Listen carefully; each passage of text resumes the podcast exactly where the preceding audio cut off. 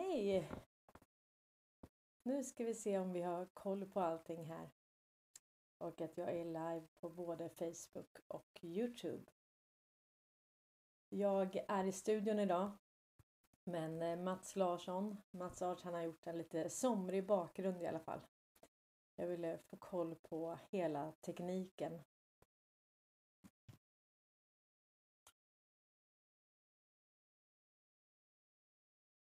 Ja hörni, det är, det är spännande tider. Och när man sätter på sin TV nu så handlar det så mycket om Titanic. Jag tänkte att vi ska prata lite om historien bakom Titanic idag. Och Federal Reserve Act.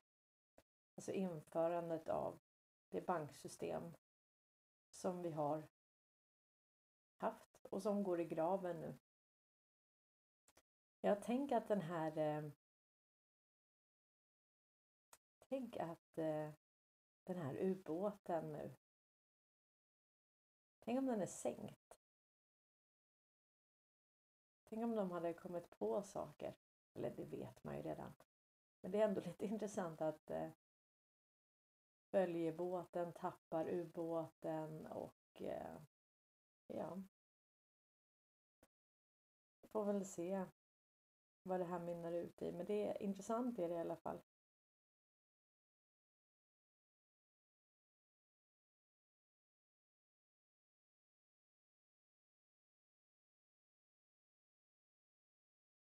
Undrar om ni ser mig på både... Jag ska testa att gå in här. Jag fick ta om kopplingen till eh,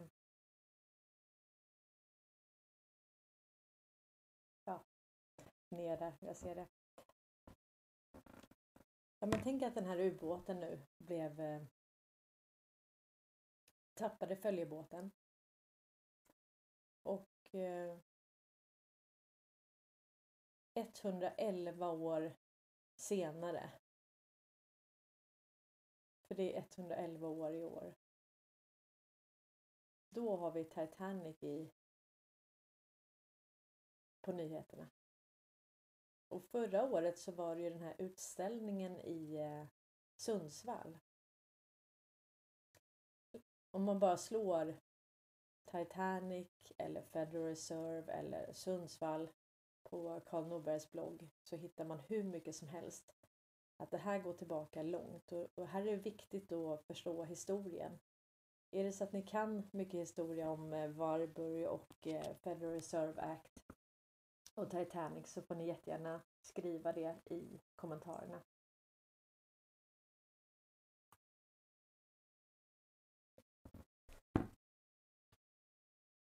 Okay.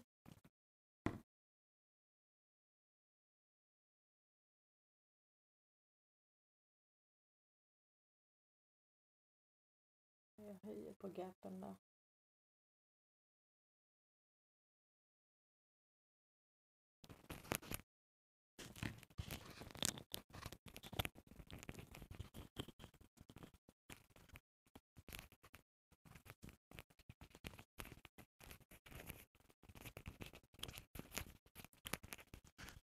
Tänker att tekniken är så bra när den funkar.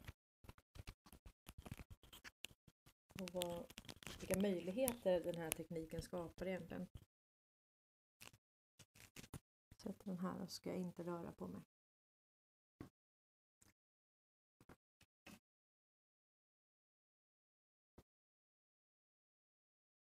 Nu gör jag en. Hallå?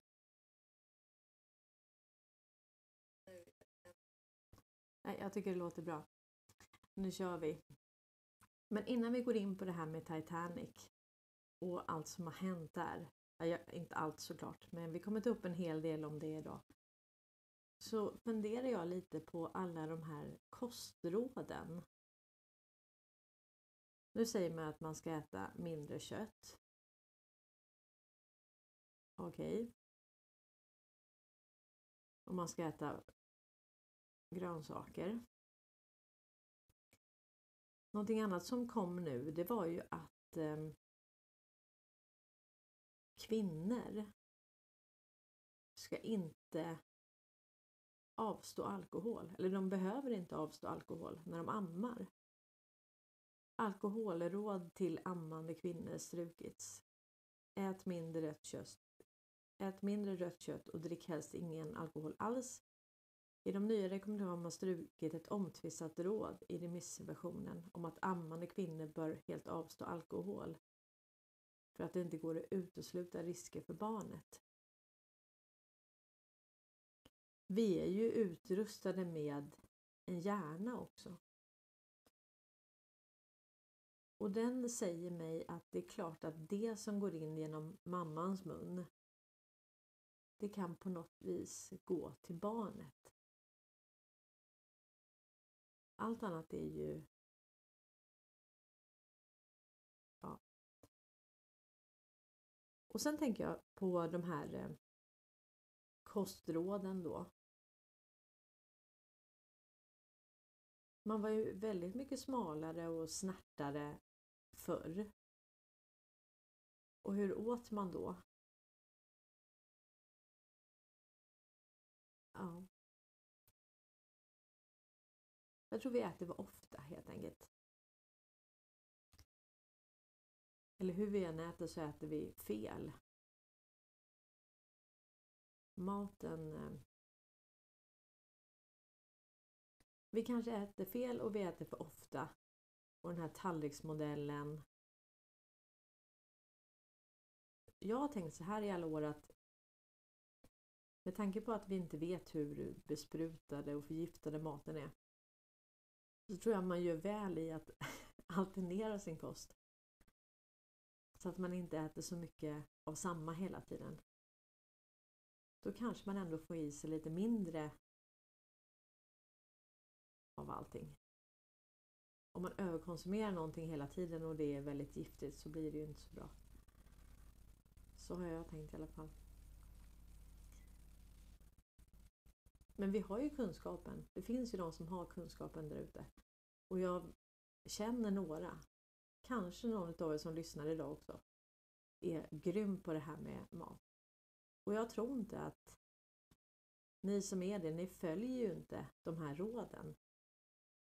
Alltså alla vet att de här råden är skit. Men det här med ammande mammor då.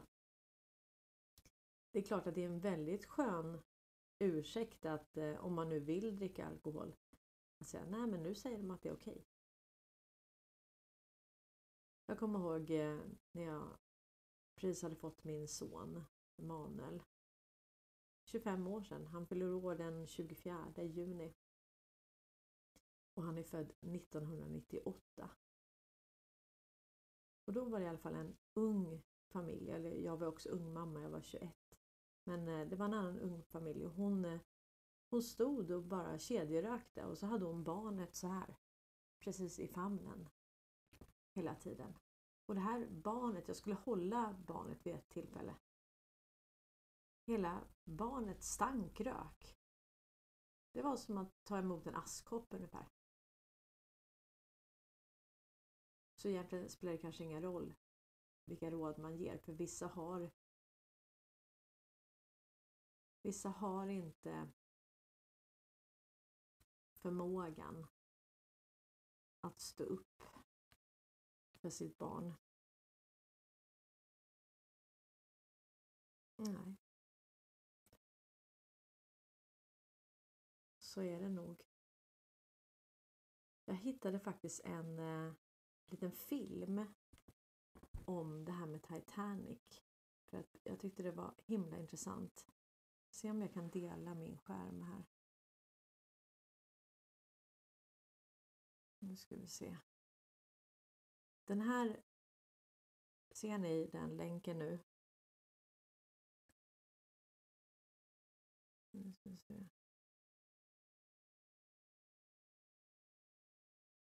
Den här länken gick inte att um,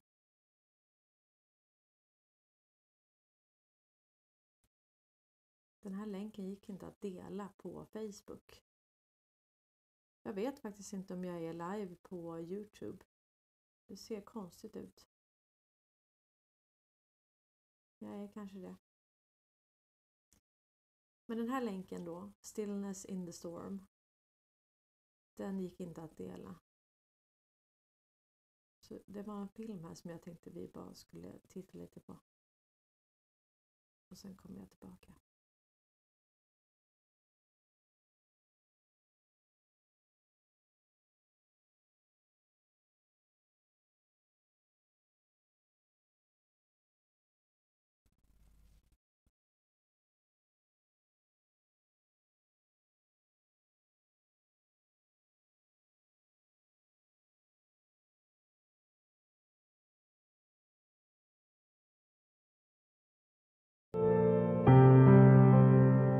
Jekyll Island is located off the coast of the U.S. state of Georgia and is currently run by a self sustaining, self governing body. While it is owned by the state of Georgia since 1947, before that, much of its land was privately owned, beginning in the colonial era, with secretive events that took place on the island during the early 20th century being central to today's episode. At the end of November 1910, some of the most influential men in America gathered on Jekyll Island for a secret meeting. Their names were Senator Nelson W. Aldrich, who was the leader of the Republican Party, Adam P. Andrew, who was Assistant Secretary of the U.S. Treasury Department, Frank Arthur Vanderclip, who was President of the National City Bank of New York, Henry P. Davison, who was also a prominent banker, Benjamin Strong, who was another important banker, and Paul Walberg, who, you guessed it, was another influential banker. The purpose of the secret meeting was to plan the country's monetary policy and establish a central banking system, which resulted in the draft legislation for what eventually became the creation of the Federal Reserve Act of 1913. Of course, there's a gap there from when the meeting took place in 1910 and the establishment of the Federal Reserve in 1913, which I'll get into. But first, allow me to briefly define what the Federal Reserve is. Although it has the word federal in it, which by definition implies it has something to do with the central government, in reality, it is the name of a group of private banks owned by private citizens such as the Rothschild banking family that prints currency, then loans this paper currency to the United States on interest. So rather than the US government printing its own currency, backed by gold or silver, as stated in the US Constitution, this legislation made it so instead the US borrows paper printed by a group of private bankers that collect interest on every dollar printed, backed by nothing. This ability to print and loan money on interest is what financed both world wars, drowning the nation in debt, and why $1 in 1913 is equal to $25 today. So, in effect, we're financing our, our tra- uh, trade with China, tra- trade with Japan by our Federal Reserve currency, which is neither federal, it's not federal any more than the Federal Express Company is a federal company. And it has no reserves, because it doesn't need any reserves because it prints its own currency. If you can print your own money, what, what do you need of reserves? You just go and warm up the printing press and uh, turn out another $10 billion. So, uh, and fa- finally, it's not a system. It's called the Federal Reserve System. It's not federal. It has no reserves. And it's not a system, but I'm the only person in the world who's ever defined it in my works as a criminal syndicate. And that's what it is. It's a criminal syndicate, just like the mafia, which is one of its subsidiaries, and uh, the CIA and all the criminal syndicates work out of the Federal Reserve System. Because that's what a Federal Reserve System is. A central bank is a uh, group of bankers which have total control of a nation's economy. And they print their own money, print as much as they want to, and uh, it eventually becomes worthless and I defined in my work uh, that a central bank's principal role is for war finance because war finance is the most profitable enterprise you can get into. And so uh, if you're a banker, you're looking for the best investment you can make, which is a war.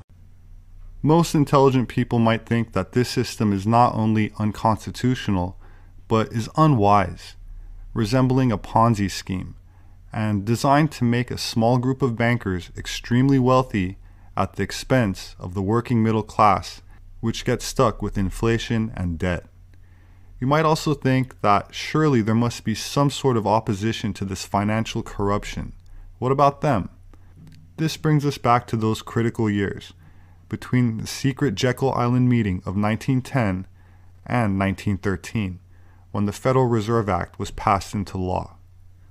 To understand what happened to the opposition to the central bankers, we need to take a look at a man named J.P. Morgan, an American financier and banker who dominated corporate finance on Wall Street during the late 1800s, when he was a driving force behind the wave of industrial consolidation in the United States, spearheading the formation of several prominent multinational corporations, including U.S. Steel Corporation and General Electric, with controlling interests in AT&T Western Union, and 24 railroads. JP Morgan funded and built the Titanic, as well as its sister ship called the Olympia. While there's much written on theories involving an insurance scam, where the damaged twin ship Olympia was really the ship that sank in an effort to collect insurance money on an already partially damaged vessel. I won't be addressing that conspiracy theory at this time but there are several interesting videos by others available online for those interested. Instead, I'd like to focus on the fact that JP Morgan was booked on the maiden voyage but canceled the day before. The same fortunate outcome cannot be said for the most wealthy and influential opponents to the creation of the Federal Reserve Act, American millionaires who did not owe their fortunes to banking, such as Jacob Astor one of the richest people in the world at the time, whose wealth in today's money was the equivalent of two and a quarter billion dollars, whose fortune was built in real estate, inheritance from fur trading, and as an inventor, incidentally a friend of Nikola Tesla, and he was a lieutenant colonel in the Spanish American War. Another opponent to the Federal Reserve Act on board was Benjamin Guggenheim, son of a wealthy miner who again was not a banker, and either was Isidor Straus, owner of Macy's department store, who, like the other successful non banker businessman I just named, seemed too unlucky or too unable to seem to make it aboard a life raft and instead died going down with the ship. It's interesting to note that there were no red flares on board to signal any boats for rescue only white flares that signal a party or that everything's okay. Yet these wealthy and politically influential men opposed to the Federal Reserve were invited aboard the Titanic for its maiden voyage, the same trip that JP Morgan conveniently decided to back out from at the last minute, with no Rockefellers and no Rothschilds on board. All major opposition perishing aboard the ship in 1912 with the Federal Reserve Act established the following year during the holiday season, passed through Congress when most were not even present. Paul Warburg himself, who was the author of the act, and the other bankers had to, for the first time in their life, come down to Washington and lobby in the halls of Congress to get the Federal Reserve Act passed. And of course, they had to make a lot of promises, a lot of commitments, a lot of bribes. But uh, since they printed the money, it didn't matter. So so they bribed the Congress to enact the Federal Reserve Act, which was signed, uh, but they still could not get a majority vote. So they had to wait till the Christmas vacation after Lindbergh and the Middle Western and uh, Western congressmen had departed for Christmas vacation. Then they brought the Federal Reserve Act before Congress on December 23rd after the opposition had left. But they still had a quorum, they still could pass it. And so even the New York Times said, never has legislation of such uh, importance been passed under such circumstances. In other words, the whole Federal Reserve Act was passed through fraud, was passed more or less while Congress was in uh, Christmas uh, vacation. And um, so uh, Wilson signed the act into law under, on December 23rd, practically Christmas Eve, uh, and it became public law. So now that they had a central bank with the power to print all the money they wanted, a privately owned bank, and the Federal Reserve Act itself is an amazing act. It's an act of total monopoly because every word in it, first of all, all the money that the, the uh, bankers can print becomes an obligation of the U.S. government, which means the U.S. taxpayer. Second, the stockholders of this private bank uh, included in the legislation that no Federal Reserve Bank stock could ever be bought or sold on any exchange in the world. So, in other words, the initial purchasers would own it in perpetuity, which is what happened because the Rothschilds, Warburgs, and Schiffs all bought the original stock in 1914 and have owned it ever since. And they've put it into foundations so it can never be touched. And uh, these foundations are the real government of the United States, Rockefeller Foundation. Nearly all of your major legislation in the United States is prepared by these foundations. And they submit it to Congress, and of course, they have enormous staffs and uh, billions of dollars. So they bring the, the legislation before Congress, and it's impeccable. It's researched and it's phrased, and everything is done just right. And uh, so, of course, the Congress accepts it. And they look around and they say, Is anybody objected to the, any of this? And of course, there's total silence. Nobody objects. So it becomes law. that's why you have laws constantly passed by Congress which are actively opposed by 85% of the American people. Almost everything is done in Washington is opposed by 85% of the American people. So you have government by 15%, government by elites. And they're not even Americans, these are international elitists. They have no allegiance whatsoever to uh, the United States, just like your Canadian legislatures have no allegiance to you, they have no allegiance to Canada.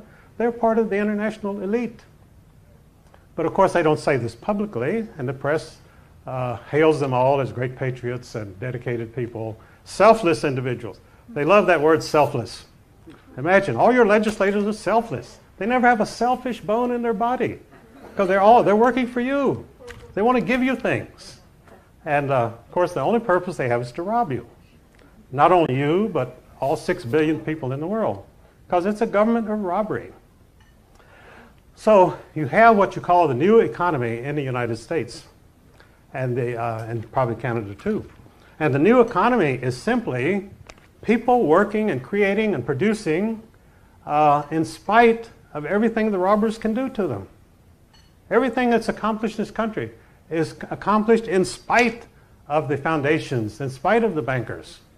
Uh, people have to work harder to pay the interest, but uh, they do that. They rise to the challenge at some point, the people will have to make themselves uh, recognized. And they're doing this through the internet. The big uh, question mark is the internet. And that's why Washington has been making frantic efforts to control the internet. My name is Robert Sepper. I'm an anthropologist. You can find my published books on Amazon. They make a great gift. Thank you to those who support me on Patreon. There should be a link below. Kindly share this video if you found it informative, and please hit the like button. Don't forget to subscribe and click on the notification bell to receive updates. I look forward to reading your thoughts in the comment section. Have a wonderful weekend, and I hope to see you again soon.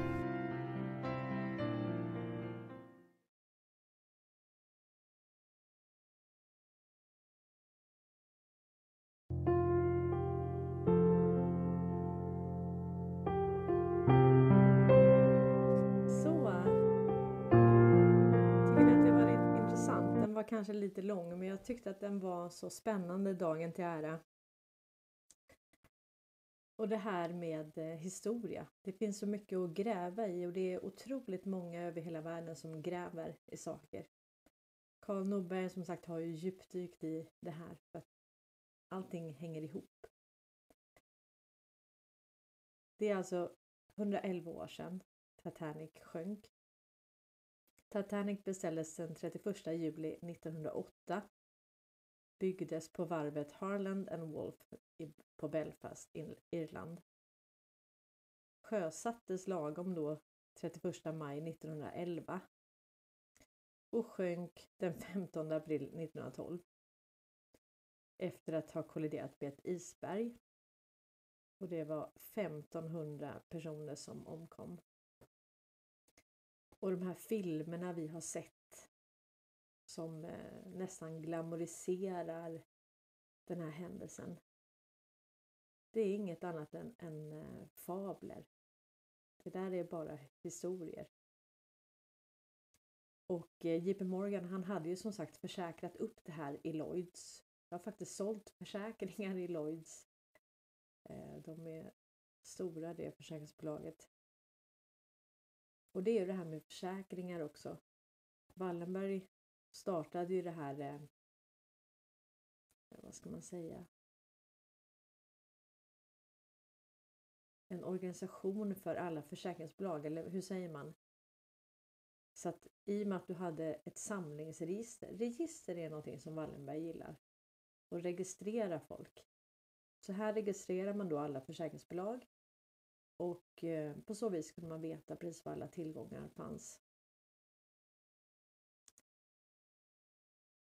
New York Times publicerade den 25 maj 1933 en stor artikel om senatsförhören rörande oegentligheter och JP Morgan med isbrytaren Titanic.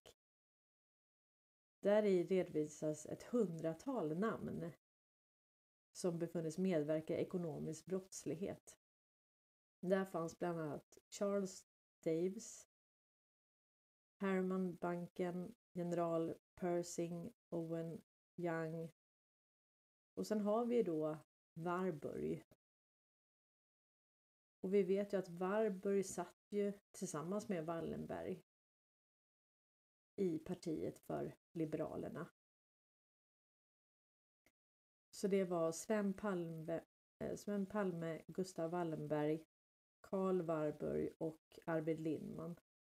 De satt alltså alla tillsammans i riksdagen för Liberalerna. Men eh, som sagt, de kände ju inte varandra.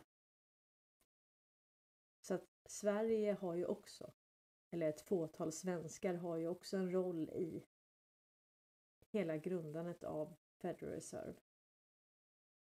Och som sagt, det, den är inte federal, den är inte statlig och det är ingen reserv, utan de kan bara trycka pengar.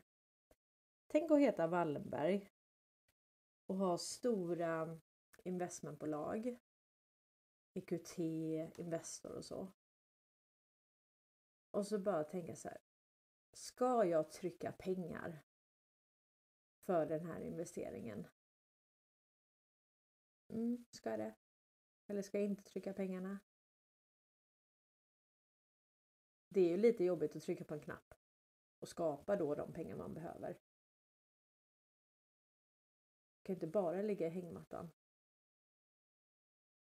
Ja. Och varför ska vi spara någonting som några bara kan trycka? Det var han eh, Rich Dad Poor Dad, vad heter han? Robert Kiyosaki heter han. Han sa det. Varför ska jag spara på någonting som andra bara kan trycka ur luft? Ja, det är intressant. Och sen är det det här med de här propellrarna då, då att det är ju är det Titanics eller är det Olympias? Jag tror att man vet ganska klart vad det här är nu. Och det här kommer komma fram. Och det är kanske därför vi har en liten ubåt. Eller så var det några som skulle dö, dyka på den och eh, det var bara en olycka. Eller så var det någon som ville bli av med dem. Nej, det kan inte vara så i det här läget att man försöker mörka det nu. Det vet man ju att det här kommer fram. Det är alldeles för många som vet hur det här ligger till för att kunna mörka det här. Ja.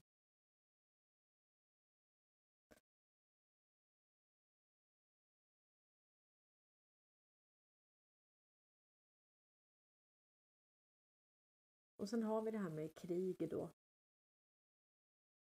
Sverige tillverkar väl mest vapen per capita.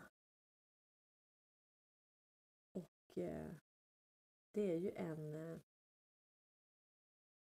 det och pandemier måste väl vara, och skogsbränder kanske, är väl det som kanske kan generera mest pengar. Men krig kan du liksom hålla liv i länge. Det kan pågå i år och år och år. Det är ju svårare med en skogsbrand eller en pandemi. Men de hade väl tänkt att den här pandemin skulle ja, hålla på mycket längre. Och sen vet jag inte varför man kallar eh, vapenindustrin för försvarsindustri. EU då, det, det har ju räknats som ett fredsprojekt. Men nu investerar de, eller nu, det kanske de har gjort hela tiden, men de investerar miljardbelopp i vapenindustrin. Mitt intryck är att kommissionen testar, lite testa gränserna, säger Mikael Lindvall, Sveriges EU-ambassadör för utrikes och försvarsfrågor. Alltså för utrikes och krigsfrågor då, kan man säga. Stora summor av EUs skattemedel går direkt till kriget i Ukraina genom vapenköp. Man skruvar upp tempot i vapenfabrikerna. Och det är väl så att man måste rusta upp. The show must go on fram till folk har förstått vad det här är. Det var ju Donald Trump som sa det. Att vi måste rusta upp till världen förstår innebörden av atomvapnet. Och jag vet att vissa säger, ja men hur kan det här bara fortgå? Hur kan vi närma oss eh, eh, universell basinkomst och 15 minuters städer och så? The show must go on. Man måste rusta upp till folket förstår innebörden. Och de här pengarna som man har lagt på det, ja, det är bara pengar. Det är något som några kan trycka. Så det spelar ingen roll. Du och jag kan inte trycka det, men andra kan det. Vissa medlemsstater tänker mer på att bygga upp en starkare europeisk försvarsindustri, vilket är viktigt på sikt, medan andra prioriterar Uk Ukrainas behov här och nu. De anser att man inte kan säga nej till vapensystem som finns tillgängliga, vare sig det kommer från Sydkorea, USA eller någon annanstans. Vapenfrågan är kontroversiell. Hon medger dock att frågan är kontroversiell eftersom att EU ska vara en fredsbevarande union, åtminstone på pappret, där grundfördraget förbjuder budgetmedel att budgetmedel används till försvaret. Jag tänk, det som vi tänker är försvar, det är krig. Det som vi tänker är välgörenhet och, och hjälpa andra. Det är inte heller välgörenhet. Det är tvärtom. Allting är tvärtom. Och på onsdag hörni så är det faktiskt en hearing med John Durham. Och det är ju både John Durham senior och sen är det faktiskt hans son som också heter John Durham som också utreder. Så att vi får se. Jag tror att det kommer komma väldigt mycket information här som droppas, droppas fram.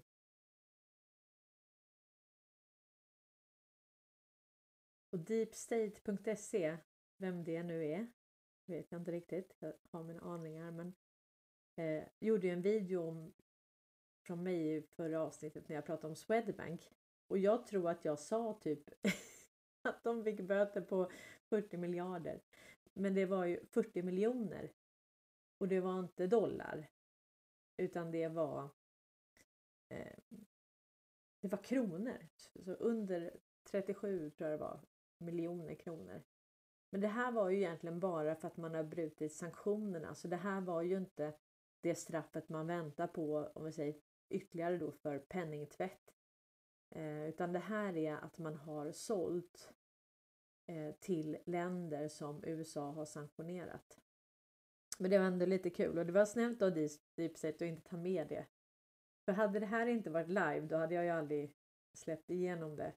Men det är live och man säger fel och jag sa fel. Men jag tror ju ändå att det, det rimliga vore att notan för Swedbank skulle landa på 40 miljarder. Men egentligen vad spelar det för roll? De trycker ju bara de pengarna så. Vad gör vi åt saken?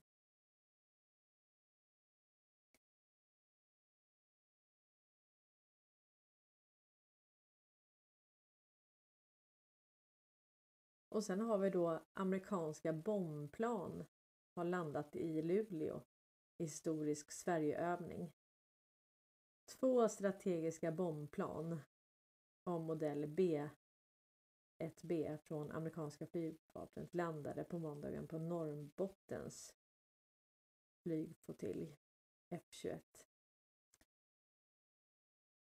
Det vi har bevittnat är en historisk händelse säger ställföreträdande flygvapenchef Thomas Pettersson. Tommy Pettersson. Men det här är ju faktiskt, jag tänker för det här svenska försvaret. Jag menar, tänk att ha så mycket amerikaner här. De måste ju ha att göra nu. Det har väl aldrig varit så här mycket action. Jag undrar hur många av dem som förstår att Sverige är under belägring. Jobbar du inom försvaret så får du jättegärna ringa in. Varit... Eller ringa in. Ja, ni kan ju faktiskt ringa mig. Ni har ju mitt nummer. kan vi göra som Stensö. Kan ni tala i myggan här. Så det går ju också.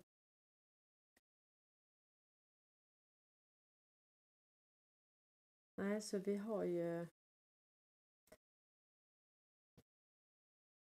Vi har ju amerikanen på plats.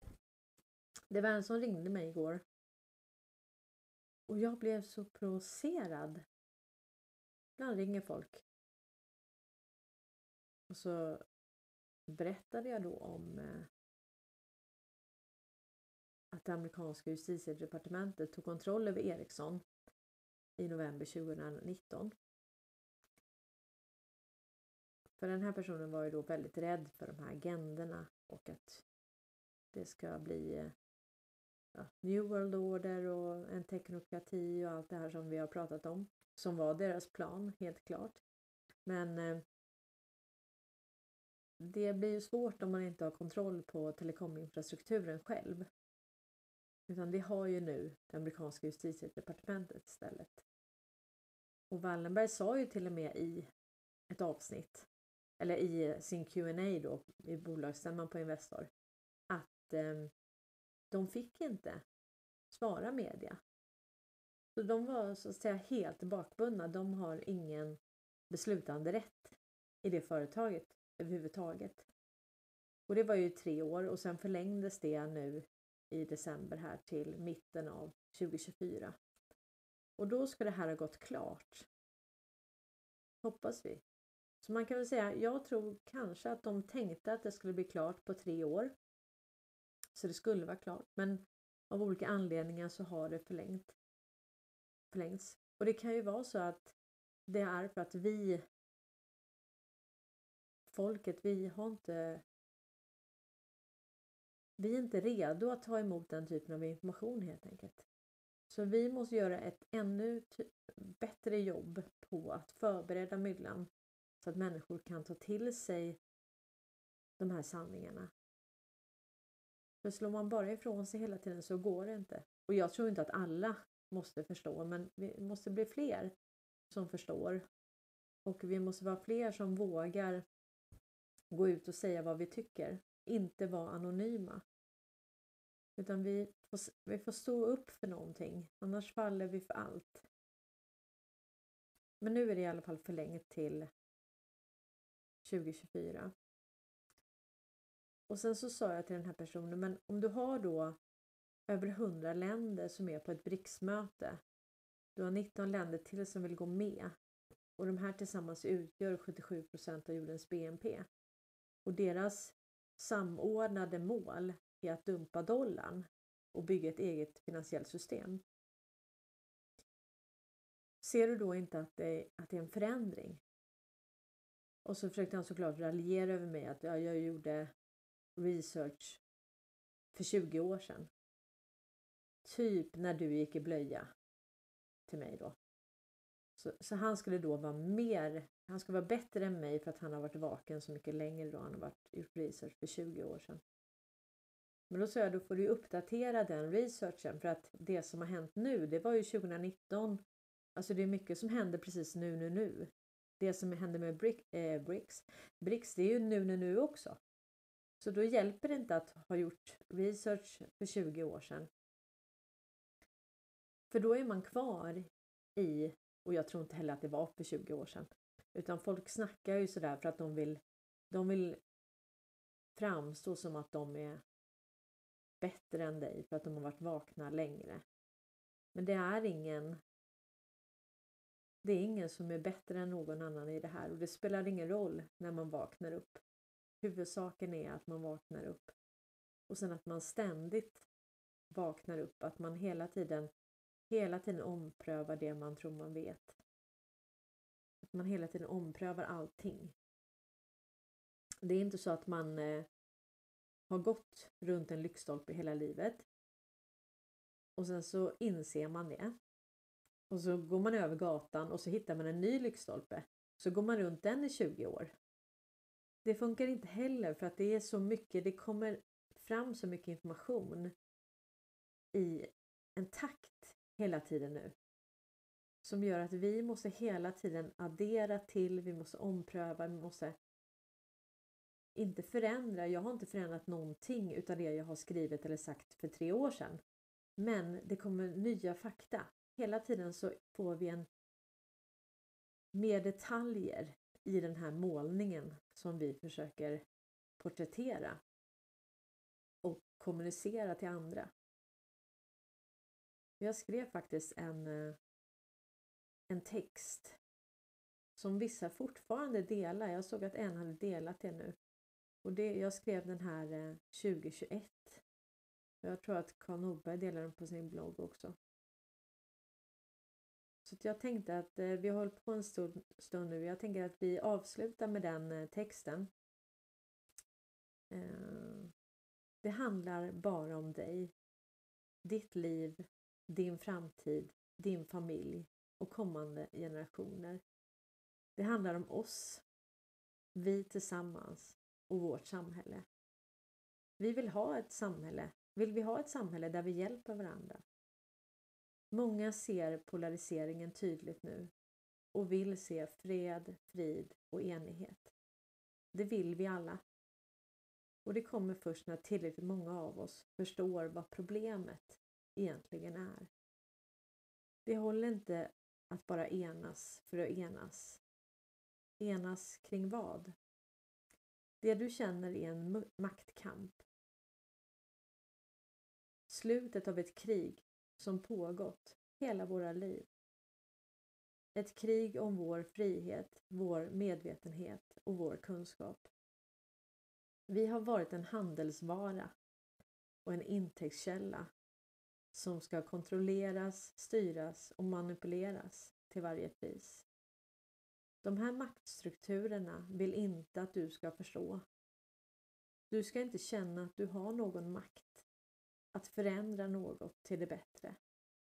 Du ska känna att den här byråkratin och korrupta maskineriet, maskinen, aldrig kan röras. Många vill inte tro att människor vill lita på folkkära personer, persona, kändisar, företagsledare, politiker, media, myndigheter, regering, riksdag, kungahus skulle ha en annan information än vad du har. En bredare förståelse och en kunskap som hålls ifrån dig. Anledningarna kan vara många, men det kan summeras till egen nytta. Kan vår vakenrörelse vara infiltrerat är det någon vi känner? Med största sannolikhet ja.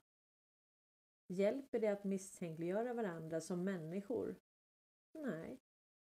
Hjälper det att misstänkliggöra deras fake news, lögner, propaganda defaitism, hopplöshet och allt annat som uppehåller oss vid kulisser och skapar hopp, förtroende för detta systemet. Ja, vi måste avslöja deras fake news. Den som har enat många kring kärnproblematiken är Donald Trump. För er som aldrig lyssnat, för er som bara lyssnat på media så rekommenderar jag att ni lägger fem minuter på att lyssna vad han säger i sitt tal 2016.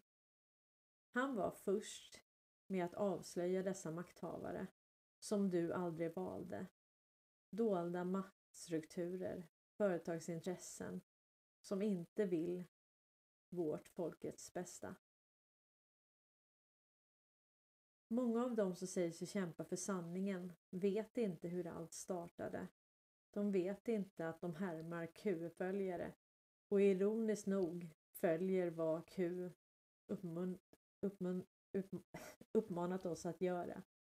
De delar memes och information om korruption, kriminalitet och lögner som Q skrev först. Och det tackar vi ju för. Q-post 4510 24 juni 2020. Ja, på lördag är det tre år delta. Du har blivit utvald att tjäna ditt land. Dra dig aldrig tillbaka från slagfältet. Twitter, Facebook. Använd andra plattformar som en form av decentraliserad ledning och kontroll. Organisera och anslut. Brygga genom länkning.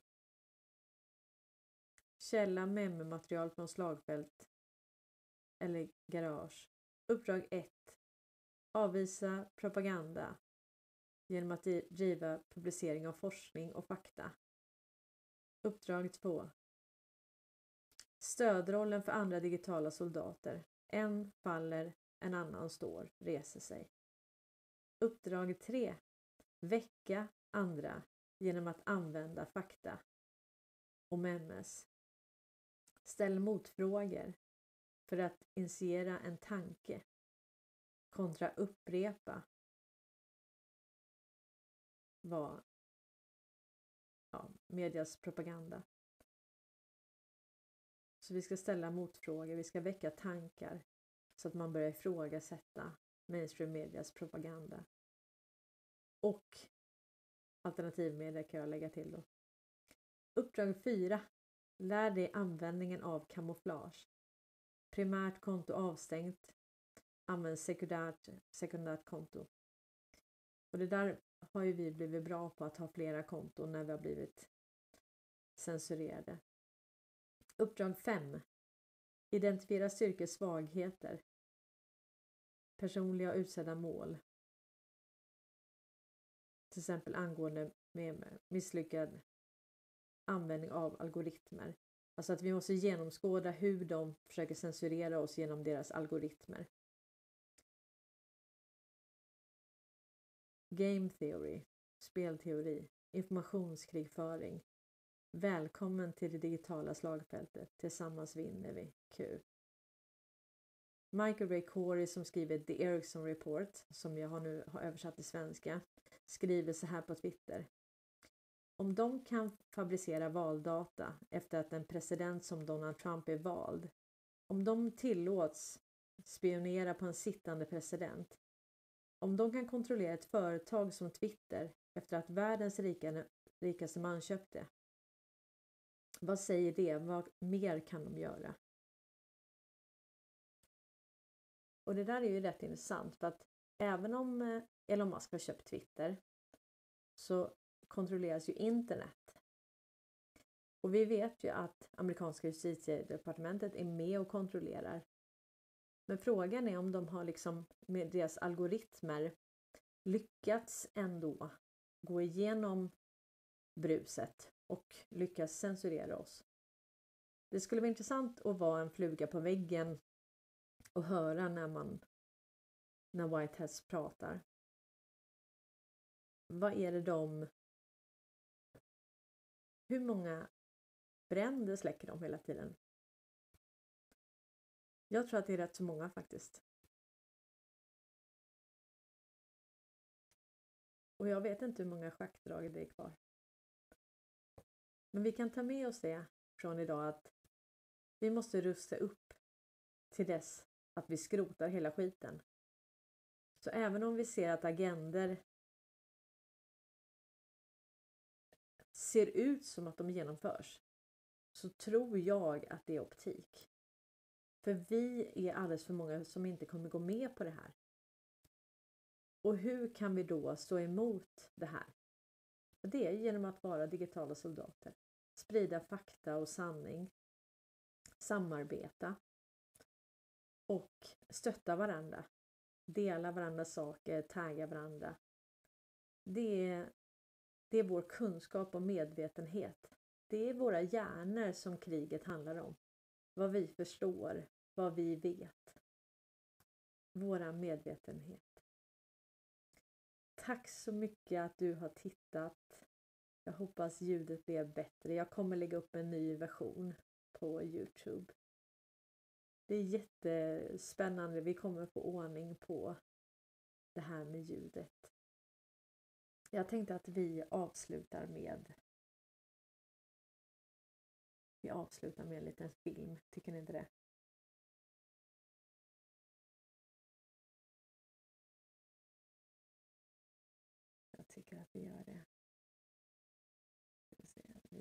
2. Den kan vara lite hög så att eh, passa öronen nu. Jag försöker sänka den.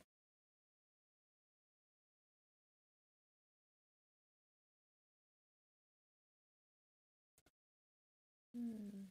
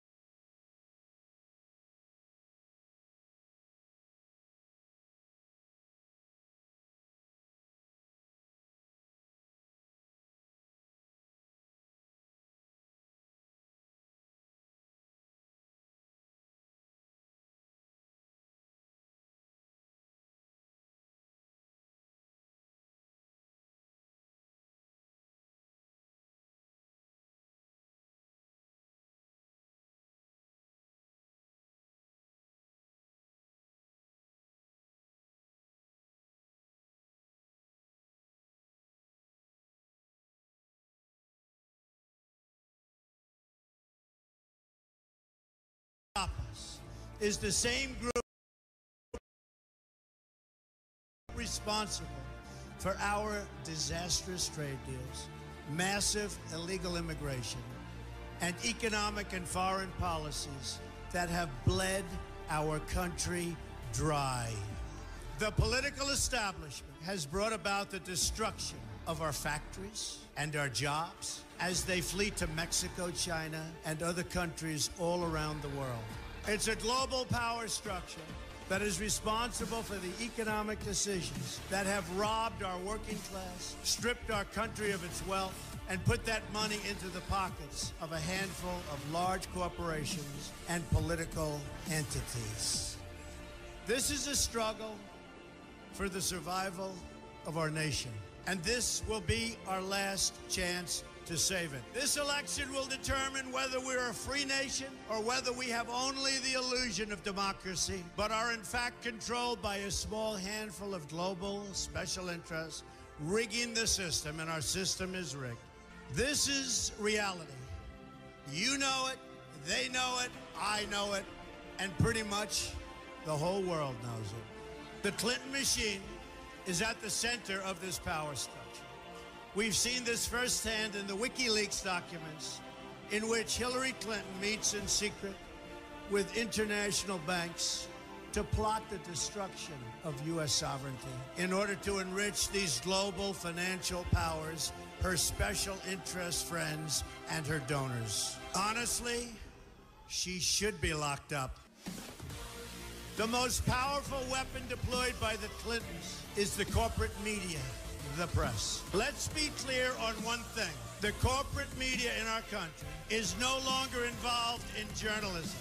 They're a political special interest, no different than any lobbyist or other financial entity with a total political agenda. And the agenda is not for you, it's for themselves. Anyone who challenges their control is deemed a sexist, a racist, a xenophobe. They will lie, lie, lie, and then again, they will do worse than that. They will do whatever is necessary. The Clintons are criminals, remember that. This is well documented. And the establishment that protects them has engaged in a massive cover up of widespread criminal activity at the State Department and the Clinton Foundation in order to keep the Clintons in power. They knew they would throw every lie they could at me and my family and my loved ones. They knew they would stop at nothing to try to stop me. Nevertheless, I take all of these slings and arrows gladly for you. I take them for our movement so that we can have our country back. I knew this day would arrive. It's only a question of when. And I knew the American people would rise above it and vote for the future they deserve. The only thing that can stop this corrupt machine is you. The only force strong enough to save our country is us. The only people brave enough to vote out this corrupt establishment is you, the American people. Our great civilization has come upon a moment of reckoning. I didn't need to do this, folks, believe me. I built a great company and I had a wonderful life. I could have enjoyed the fruits and benefits of years of successful business deals and businesses for myself and my family. Instead of going through this absolute horror show of lies, deceptions, malicious attacks, who would have thought? I'm doing it because this country has given me so much, and I feel so strongly that it's my turn to give back to the country that I love. I'm doing this for the people and for the movement, and we will take back this country for you, and we will make America great again.